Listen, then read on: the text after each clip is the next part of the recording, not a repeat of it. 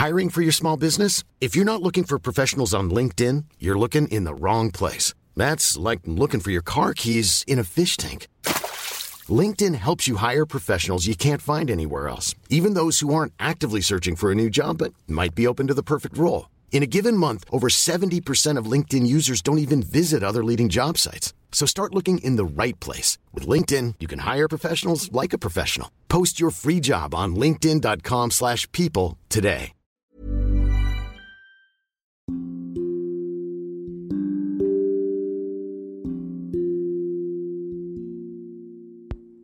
Ada seorang wanita yang sangat menyukai anak. Setiap tahun, dia melahirkan satu anak, hingga ada tujuh jumlah totalnya. Namun, lelaki semua.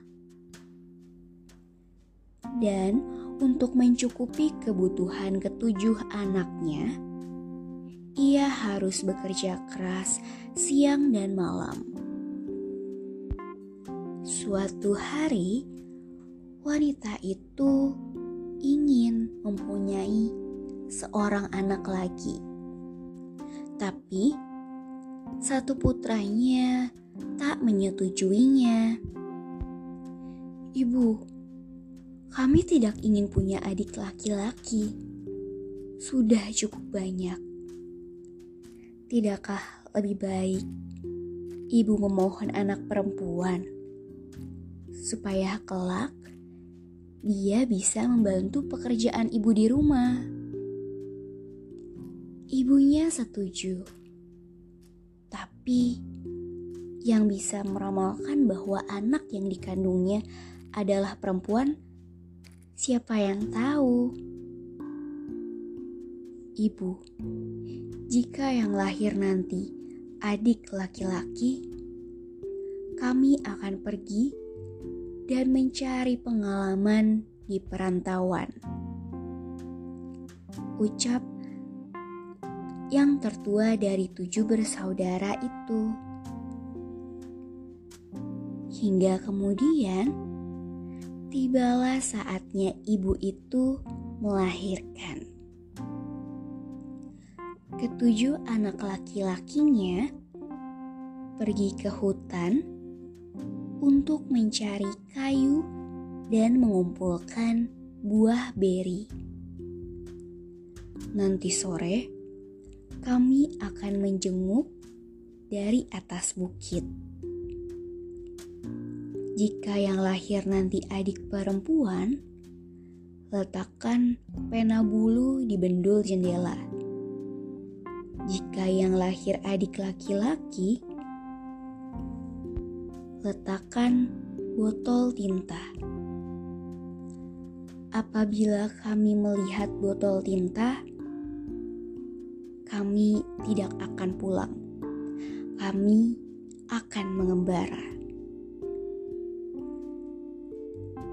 Hingga pada saatnya ibu itu melahirkan, Betapa bahagianya karena yang lahir adalah bayi perempuan. Disuruhnya bidan yang menolong persalinan meletakkan pena bulu angsa di bendul jendela. Sayangnya, bidan itu keliru. Malahan, ia meletakkan botol tinta di sana. Ketika ketujuh anak laki-lakinya melihat botol tinta, mereka berpikir anak laki-lakilah yang lahir, dan mereka tidak ingin terus-menerus menyusahkan ibunya maka diputuskannya untuk mengembara. Berhari-hari mereka berjalan, hari berganti minggu, minggu berganti bulan, hingga akhirnya setahun, dua tahun, hingga di akhir tahun ketiga. Sampailah mereka di sebuah hutan tempat tinggal raksasa yang buta. Raksasa itu menjadi buta karena bertengkar dengan seorang nenek-nenek. Sehingga semenjak itu ia jadi benci wanita. Ketujuh anak laki-laki itu bekerja pada raksasa itu. Tahun berganti tahun hingga akhirnya bayi perempuan yang dilahirkan oleh ibu ketujuh anak laki-laki itu telah tumbuh menjadi gadis remaja. Namanya Annette.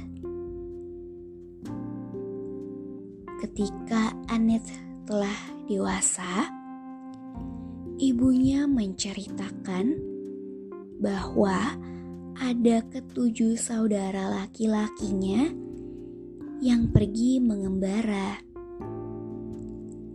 Sehingga Annette yang ingin bertemu saudara laki-lakinya memutuskan untuk pergi mencari saudara-saudaranya.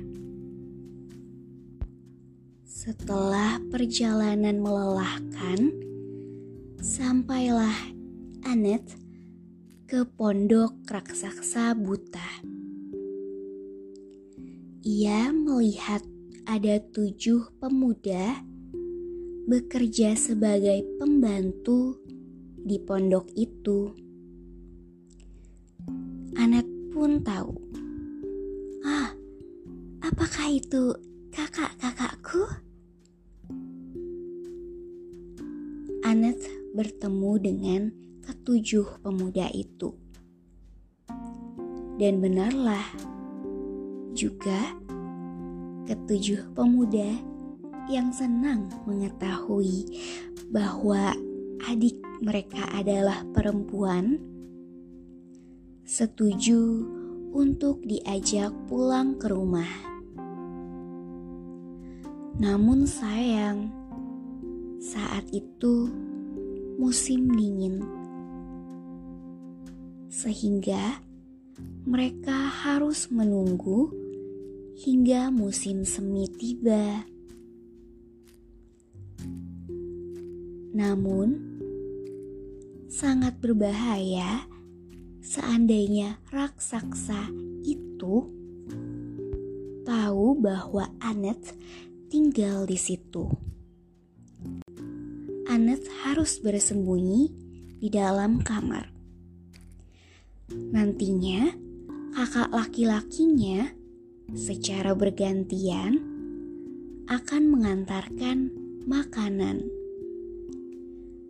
Di dalam kamar itu ada kucing hitam. Anet juga harus memberikan separuh jatahnya kepada si kucing hitam. Anet melihat ada buah kenari di mejanya karena enak sekali. Tanpa sadar, habislah buah kenari itu, sehingga tidak dapat dibagi kepada si kucing hitam. Marahlah kucing hitam itu. Ia mematikan perapian di kamar Anet. Gadis itu lalu berlari keluar kamar, berteriak mencari kakaknya. Tentu saja, raksasa mendengar suara perempuan di pondoknya. Raksasa buta itu marah. Ia mengambil pisau dan dikejarnya Anet. Walau buta, ia bisa mendengar langkah kaki Anet. Untungnya, ketujuh kakaknya bisa menjebak raksasa hingga jatuh ke dalam sebuah parit yang dalam. Sehingga raksasa itu jatuh tersebur ke dalam sumur itu, lehernya patah dan menemui ajalnya. Parit itu diguruk dengan tanah oleh ketujuh kakak Anet sehingga mereka memutuskan tetap tinggal di istana itu hingga musim semi. Ada satu yang harus kau ingat, Anet. Jangan kau petik tumbuhan yang tumbuh di bekas parit itu. Anet selalu ingat akan pesan kakaknya. Sampai suatu hari, Anet melihat pengemis pincang. Anet lupa setelah pengemis itu memintanya dengan iba. Dipetiklah oleh Anet sesuai permintaan pengemis itu, diremas-remas lalu dioleskan ke kaki si pengemis. Luka pengemis itu sembuh. Tapi tiba-tiba Anet melihat tujuh ekor merpati terbang mengelilinginya. Ternyata berkat Anet yang melanggar janjinya, saudaranya pun tujuh-tujuhnya berubah menjadi merpati. Kau harus segera pergi menemui ibu waktu. Hanya dia yang tahu cara menolong kami. Oh kakak-kakakku, sampai ke ujung dunia pun akan kucari dia. Akhirnya, tanpa peduli cuaca dingin, Anet pergi mencari ibu waktu. Suatu hari, tibalah Anet di sebuah pantai. Di situ ada seekor ikan hiu yang berenang ke tepi. Mau ke mana kau, anak manis?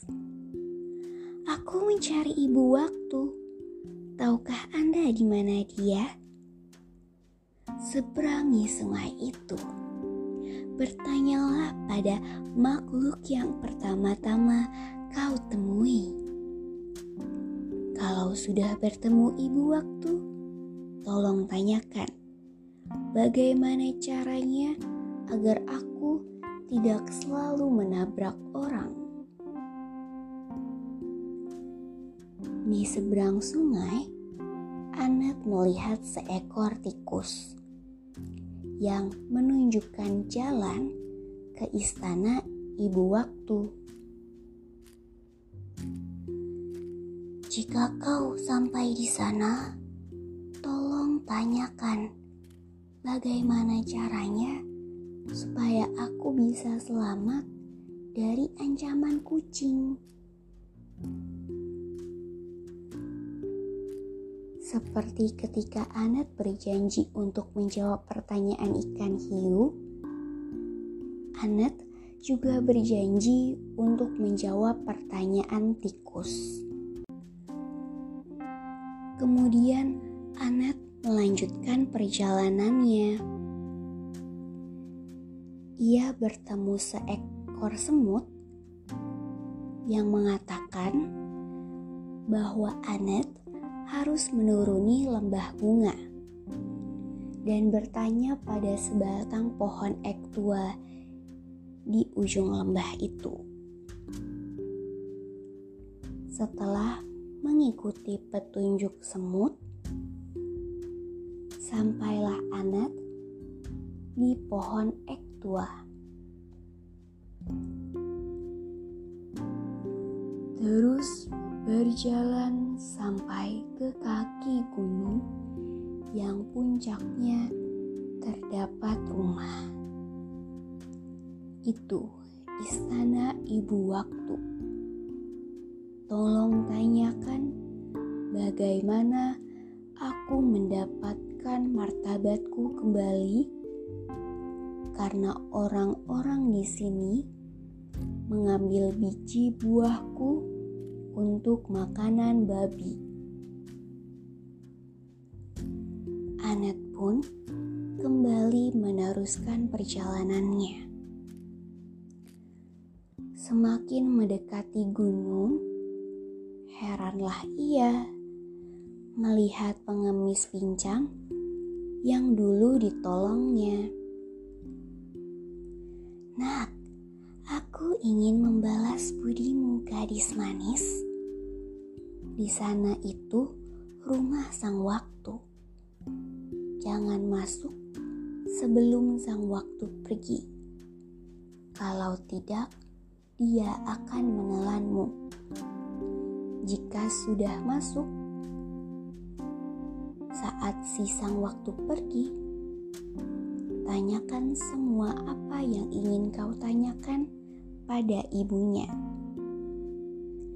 Tapi kau harus membuang beban jam yang didudukinya lalu menyuruhnya bersumpah demi sayap-sayap sang waktu.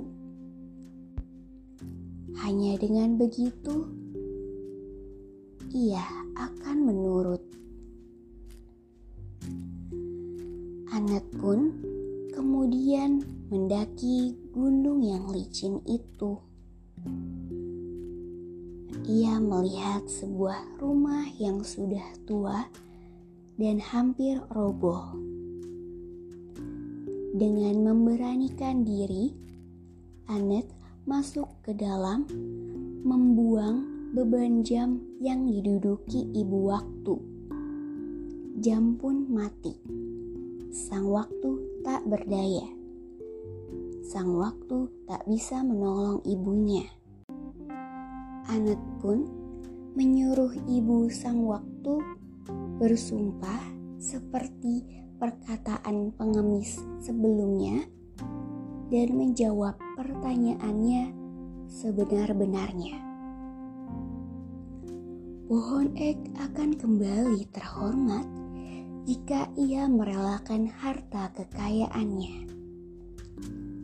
Tikus tak perlu takut pada kucing jika ekor kucing itu diberi lonceng semut-semut akan hidup sampai 100 tahun jika mereka berhenti mencuri. Ikan hiu akan selamat jika mereka berenang mengikuti tikus laut.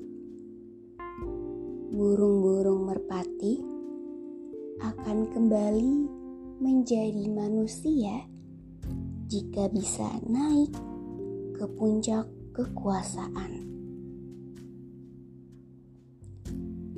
Setelah mendengar jawaban dari ibu waktu, Anet segera menuruni lembah. Dipanggilnya burung-burung merpati itu, dan katanya, "Naiklah ke atas kepala banteng. Tanduknya adalah simbol kekuasaan. Setelah tujuh merpati itu mengikuti saran Anet, tujuh merpati itu akhirnya kembali berubah menjadi tujuh pemuda. Anet pergi ke pohon ek. Pohon ek memberikan harta karunia yang tersembunyi di sela-sela akar. Tapi malamnya, segerombolan penyamun merampok dan mengikat mereka. Semut-semut segera menolong dengan menggigit talinya hingga putus. Peti harta dapat direbut kembali oleh tujuh saudara Anet. Kemudian mereka berlari ke pantai. Sementara para penyamun terus mengejar.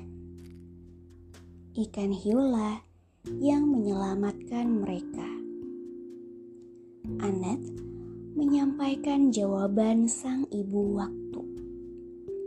Ikan hiu mengucapkan terima kasih dan mempersilahkan Anet dan kakak-kakaknya naik ke punggungnya. Di bawahnya mereka menyeberangi lautan luas sampai ke dusun ibunya. Akhirnya, keluarga yang sudah lama tercerai berai pun dapat berkumpul bersama kembali. Juga, sejak itu mereka bisa hidup berkecukupan berkat peti harta pemberian pohon ek.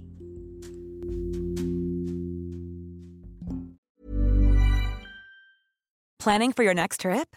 Elevate your travel style with Quince. Quince has all the jet setting essentials you'll want for your next getaway, like European linen, premium luggage options, buttery soft Italian leather bags, and so much more. And is all priced at 50 to 80% less than similar brands.